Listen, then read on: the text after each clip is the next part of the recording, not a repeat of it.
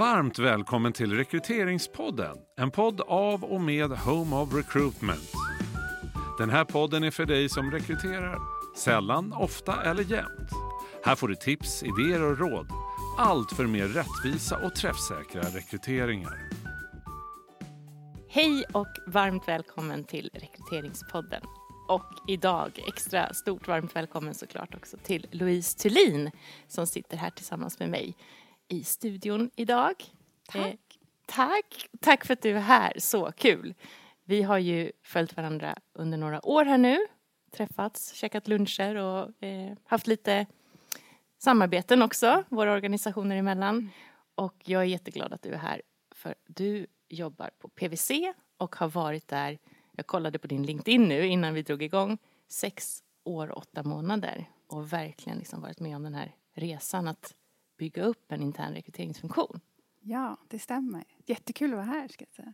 Jätteroligt. Och jag tänkte att eh, vi skulle börja med att du fick presentera dig själv lite grann för våra lyssnare innan vi kommer in på frågorna jag har kring hur det här har gått till och hur det har sett ut och längs vägen med den här interna rekryteringsfunktionen som ni har. Mm.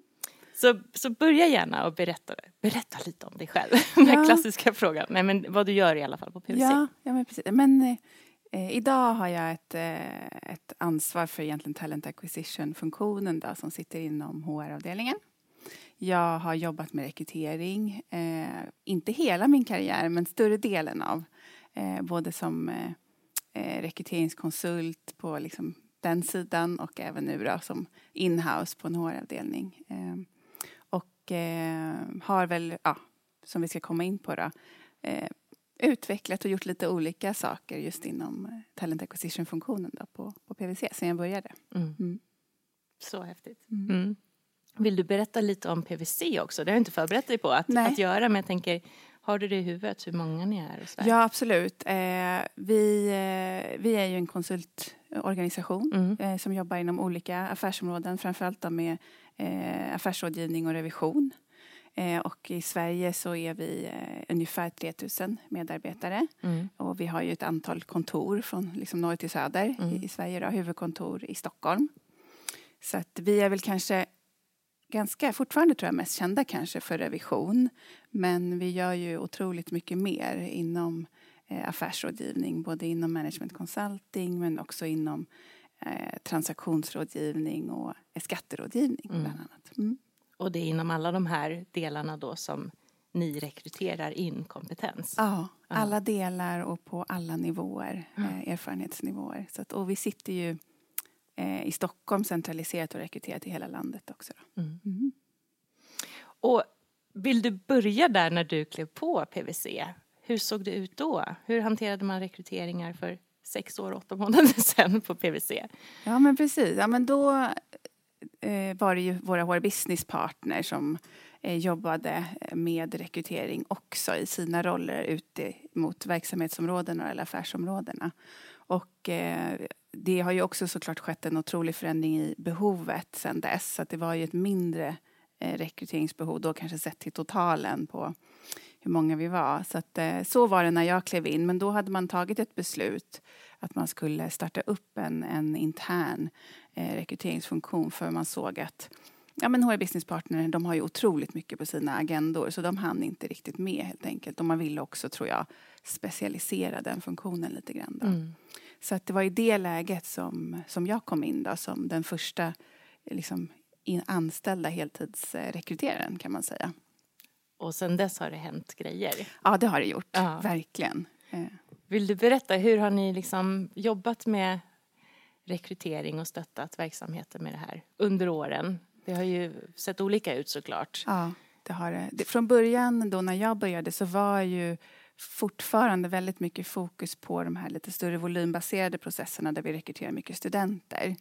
Eh, så det var ju det som vi jobbade mycket med och då, det jag gjorde tillsammans ska jag säga med, det var två personer till just då som jobbade med rekrytering, eh, var ju att utveckla en mer strukturerad process. Eh, och vi började med att eh, skapa lite mer som assessmentdagar. Förut hade man jobbat lite mer löpande mm. och man hade gjort lite olika så beroende på vilken verksamhet kanske eller vilken chef. Så det var ju det första vi gjorde, att sätta den lite tydligare. Då. Eh, och även så jobbade vi med löpande, lite mer erfaren rekrytering men det var då i lite mindre skala och lite mer ersättningsbaserad mm. och ibland tillväxt. Men eh, ja, så, så såg det ut från början. Mm.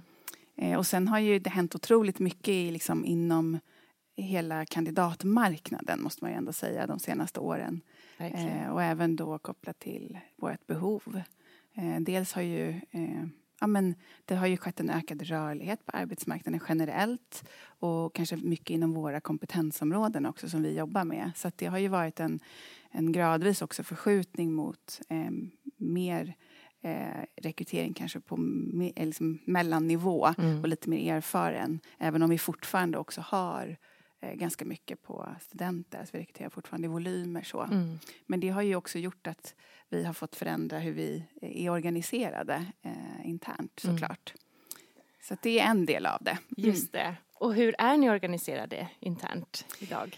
Idag ser vi faktiskt inte ut som vi gjorde för ett år sedan. Nej, det har ju hänt jättemycket det senaste året. Det har gjort det. Uh. Eh, idag är vi eh, ett, ett team som jobbar egentligen behov, helt behovsbaserat. Vi hade ju, som många företag tror jag, drog vi ner lite på anställningarna under förra våren och en bit in på hösten. Mm. Och sen har det då, eh, när liksom läget har stabiliserat sig och man kanske har känt att man kan ändå göra lite bättre prognoser framåt så har vi ju släppt på. Så det innebär att vi har mycket rekrytering nu då. Mm. Eh, och eh, då jobbar vi eh, i teamet, som är lite mindre nu då än vad det var för drygt ett år sedan, så jobbar vi väldigt behovsbaserat. Eh, och alla jobbar med alla typer av uppdrag egentligen. Den enda indelningen vi gör kanske är att jag har ju personer som är lite mer juniora och sen har jag ju mer erfarna rekryterare. Så lite beroende på uppdrag så styr vi det lite så efter erfarenhetsnivå. Men annars jobbar vi med allt från IT till finansiell analys mm. och alla typer av positioner vi behöver tillsätta. Och revisorer såklart. Mm. Mm. Kul att få jobba så brett, tänker jag. Ja. Tycker jag personligen i alla fall. Ja, det är både roligt tror jag och också utmanande. Ja, såklart. Eh, för att det är en ganska komplex eh, verksamhet vi jobbar med och alla är väldigt specialiserade. Mm. Så att eh, det gäller att liksom hitta den där eh, balansen där man bidrar men att man ändå inte kan få den här riktiga djupa alltid eh, kunskapen. Men det är lite så rekryteringskonsultrollen ser ut. Så är det ju. Och det mm. handlar ju väldigt mycket, tänker jag, om att sätta förväntan också, också liksom internt hos eh, verksamheten hos cheferna som rekryterar. Vad är det för service som ni erbjuder? Ja, och hur långt sträcker den sig? Och var är det de behöver faktiskt kliva på ja. och, och bidra ja. med sin expertis som rekryterande chefer? Och, och, hur ser det ut? Fördelningen mellan det som ni gör och det som cheferna gör? Går det, går det, det kanske varierar också beroende på vad för, för rekrytering ni hjälper till med? Ja, lite, men det är ganska lika. Alltså, mm. Vi står ju för eh, den kompetensbaserade delen mestadels, mm. även om våra chefer också är utbildade i det. Men det handlar ju om att, att vi är inom Talent Acquisition, vi jobbar ju mycket med tester. Det kan vi också prata om och berätta lite om vad vi har gjort där, mm. eh, tänkte jag. Men eh, det jobbar vi ju med och det har ju liksom HR ett ansvar för att eh, se till att det sköts på ett bra sätt. Eh, och det jobbar vi ju med lite olika i de liksom juniora volymprocesserna så jobbar vi med ett datadrivet urval egentligen kan man säga. Så där är ju det mm. det första man gör. Mm. Eh, I, I screening? Liksom. Exakt. Ja. ja. så att, dels för att såklart få ner arbetet med CV-screening men, men jag skulle säga kanske det liksom, största syftet är ju att ja, men minska bias och faktiskt eh, jobba kompetensbaserat mm. redan där. Eh, och det handlar ju också om att hitta kanske andra typer av kompetenser och bredda målgrupper så, mm. som vi jobbar med. Så där jobbar vi lite med testerna tidigt och när det är mer specialister, seniora, då bygger det ju också ganska mycket på att man kanske har en, en erfarenhet eller en kunskap utifrån sin karriär. Så där blir det mer ofta att, att eh, rekryterande chef till exempel gör ett första möte innan vi kommer in lite mer som en second opinion kan man säga mm. med tester. Mm. Men vi gör tester på alla vi anställer. Eh, det gör vi. Så det är bidraget och i liksom intervju eh, situationen så står ju vi för att fråga om eh, ja, de kompetensbaserade frågorna utifrån liksom kravprofilen och framför allt med betoning på personlighetsdelarna. Mm. Mm. Eh, och cheferna jobbar ju mer med det vi brukar kalla för technical skills och lite mer kopplat till kravförtjänsten och, erfarenhet och kunskap.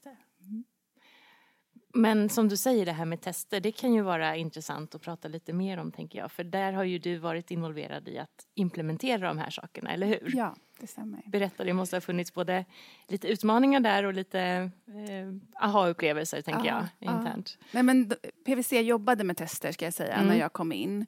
Eh, men på ett lite annorlunda sätt. Eh, så att det som eh, jag genomförde då tillsammans med övriga inom min avdelning var ju att implementera eh, de testerna vi jobbar med idag där vi kan styra lite mer i att göra första urval och sätta lite mer kompetensprofiler. Då. Eh, och ja, det har varit en otroligt lärorik resa både för mig och för organisationen tror jag. Så Mm. att, eh, tester är ju kontroversiellt. Det Ja. pratade vi om här. Förra veckan lyssnade jag på dig bland annat när Mm. ni pratade om det. Men det är ju, jag tror att min, en lärdom för mig är att jag var nog lite naiv och tänkte så här, alla kommer ju förstå, för det här är så bra. Men så var det inte. Nej. Nej. Så det är väl en, en lärdom också att eh, man får verkligen utmana sig själv när man ska försöka få med Mm. eh, andra på, på, liksom, på tåget som inte jobbar med de här frågorna varje dag och som har ett annat liksom, Mm. eh, fokus kanske.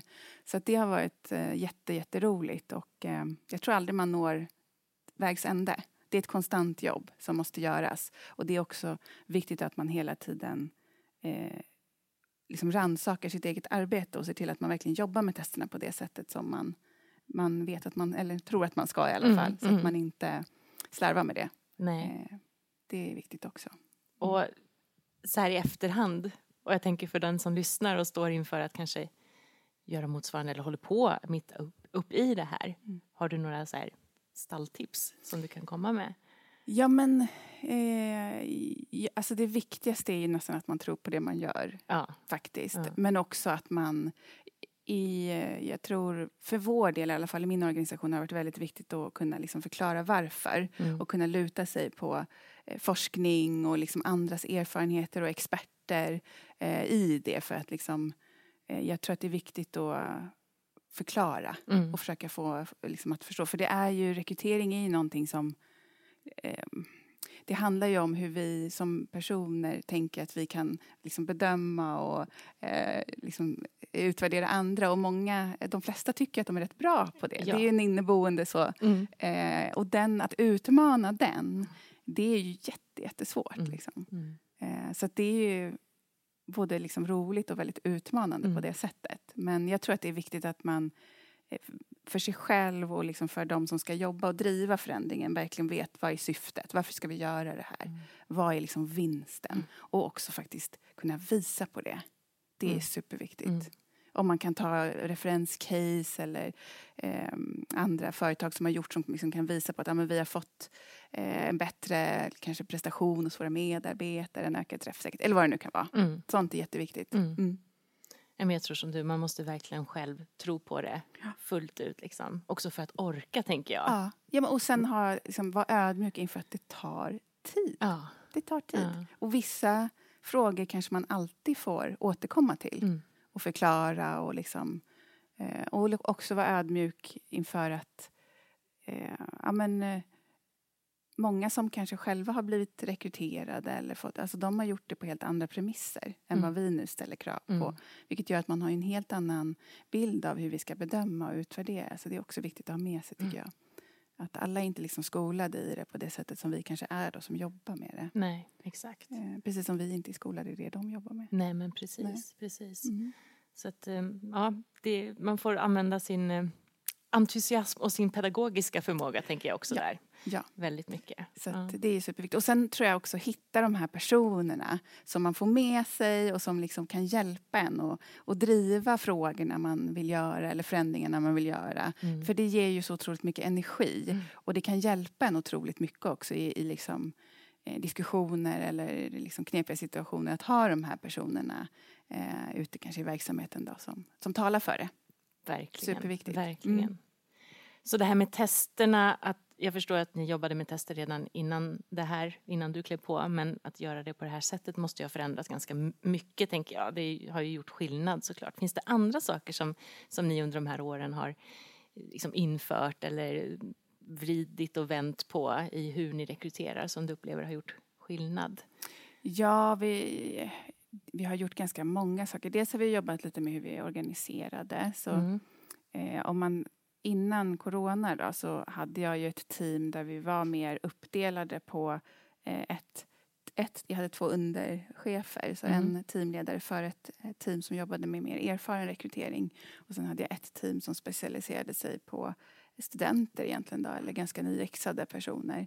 Eh, och där det var en, en teamleader också då. Och det upplevde jag, i och med att vi har sett ett, ett behov som, som har gått åt båda hållen kan man säga. Mm. Vi har både stort behov av nyexade men också av erfarna. Så var det ett väldigt bra sätt Mm. att jo- jobba på, tycker jag. Eh, och vi kunde också lägga mer tid kanske på uppsökande liksom, nätverken. Det här som är så viktigt idag när man ska rekrytera.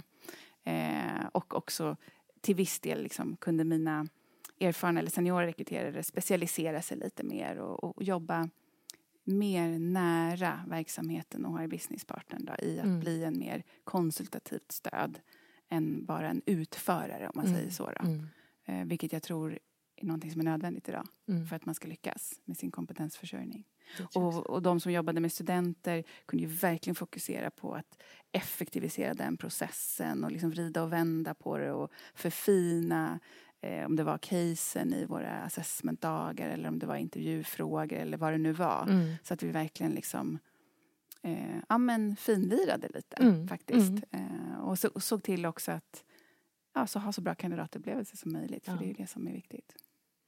Och du nämner det här med kompetensförsörjningen. Vill du också berätta hur ni har jobbat med den strategiska kompetensförsörjningen? För det förstår jag såklart att ni har varit supercentrala i det här, eh, du och dina kollegor. Ja men precis, jag jobbar, där jobbar vi ju lite i, inom HR så jobbar vi ju mycket, de som ansvarar för kompetensutveckling, alltså all utbildning som vi har. Vi är ett ganska utbildningstungt företag som det ofta är när man jobbar med konsulter.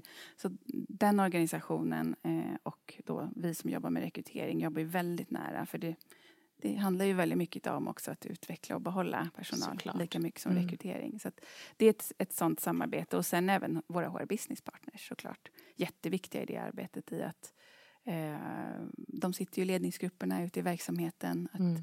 eh, vi kan stötta och bolla med dem men också såklart vara med i dialoger eh, utifrån våra olika eh, specialistkompetenser. Mm. Eh, Men där tror jag verkligen att, att vi jobbar så med olika liksom, kompetenser inom HR för att stötta vår business också är helt avgörande.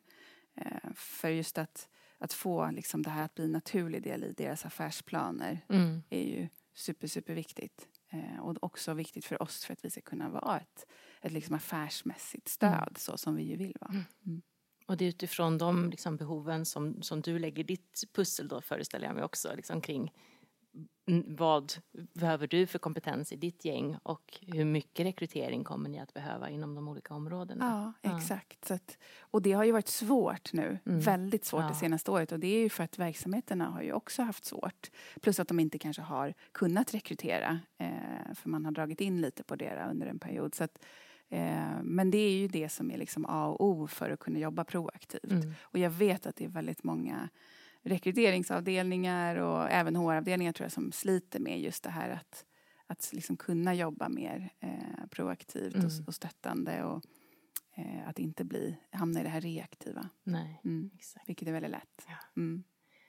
En annan sak för att jobba proaktivt är ju det här med hur man jobbar med kandidatupplevelsen i de processerna som man har. Det påverkar ju verkligen hur, hur väl man kan lyckas framåt, tänker jag. Ryktet. Mm. Vill du nämna någonting där, vad ni har gjort? Jag vet ju att PWC har gjort en del saker. Ja, Ja. jo men absolut. Och det, vi, vi har faktiskt inte infört några liksom mätverktyg på kandidatupplevelser. Men det är någonting vi har pratat om att vi, vi ska göra. Men vi är en ganska stor organisation och det har varit mycket som har liksom utvecklats och förändrats de senaste Mm. åren. Vi är ju också, det sa jag inte i början, men vi är ju ett globalt nätverk, PWC. Så vi finns ju i väldigt många länder. Och vi har ju också vissa saker som vi behöver förhålla oss till utifrån det globala. Så vi har ju... Typ system och sånt där. Exakt. System och i vissa fall också liksom riktlinjer och Mm. policies och sådär. Men just vi, jag måste säga att mitt team är helt fantastiska med att jobba med, med kandidater och få och få dem att känna sig speciella och unika även om vi hanterar en väldigt stor mängd. Mm. Så att där får vi väldigt fin feedback. Eh, men vi har inte gjort det på ett liksom strukturerat sätt. Så det är nog egentligen kanske ett steg som kommer här skulle Mm. jag hoppas. Mm. Eh, ganska snart att göra det. Men just att jobba med, men försöka jobba med processens längd. Mm. Eh, för det är också utmanande när Mm. man jobbar med många eh, stora volymer. Eh, återkoppling. Eh, man kan nästan inte ge för mycket återkoppling tror jag.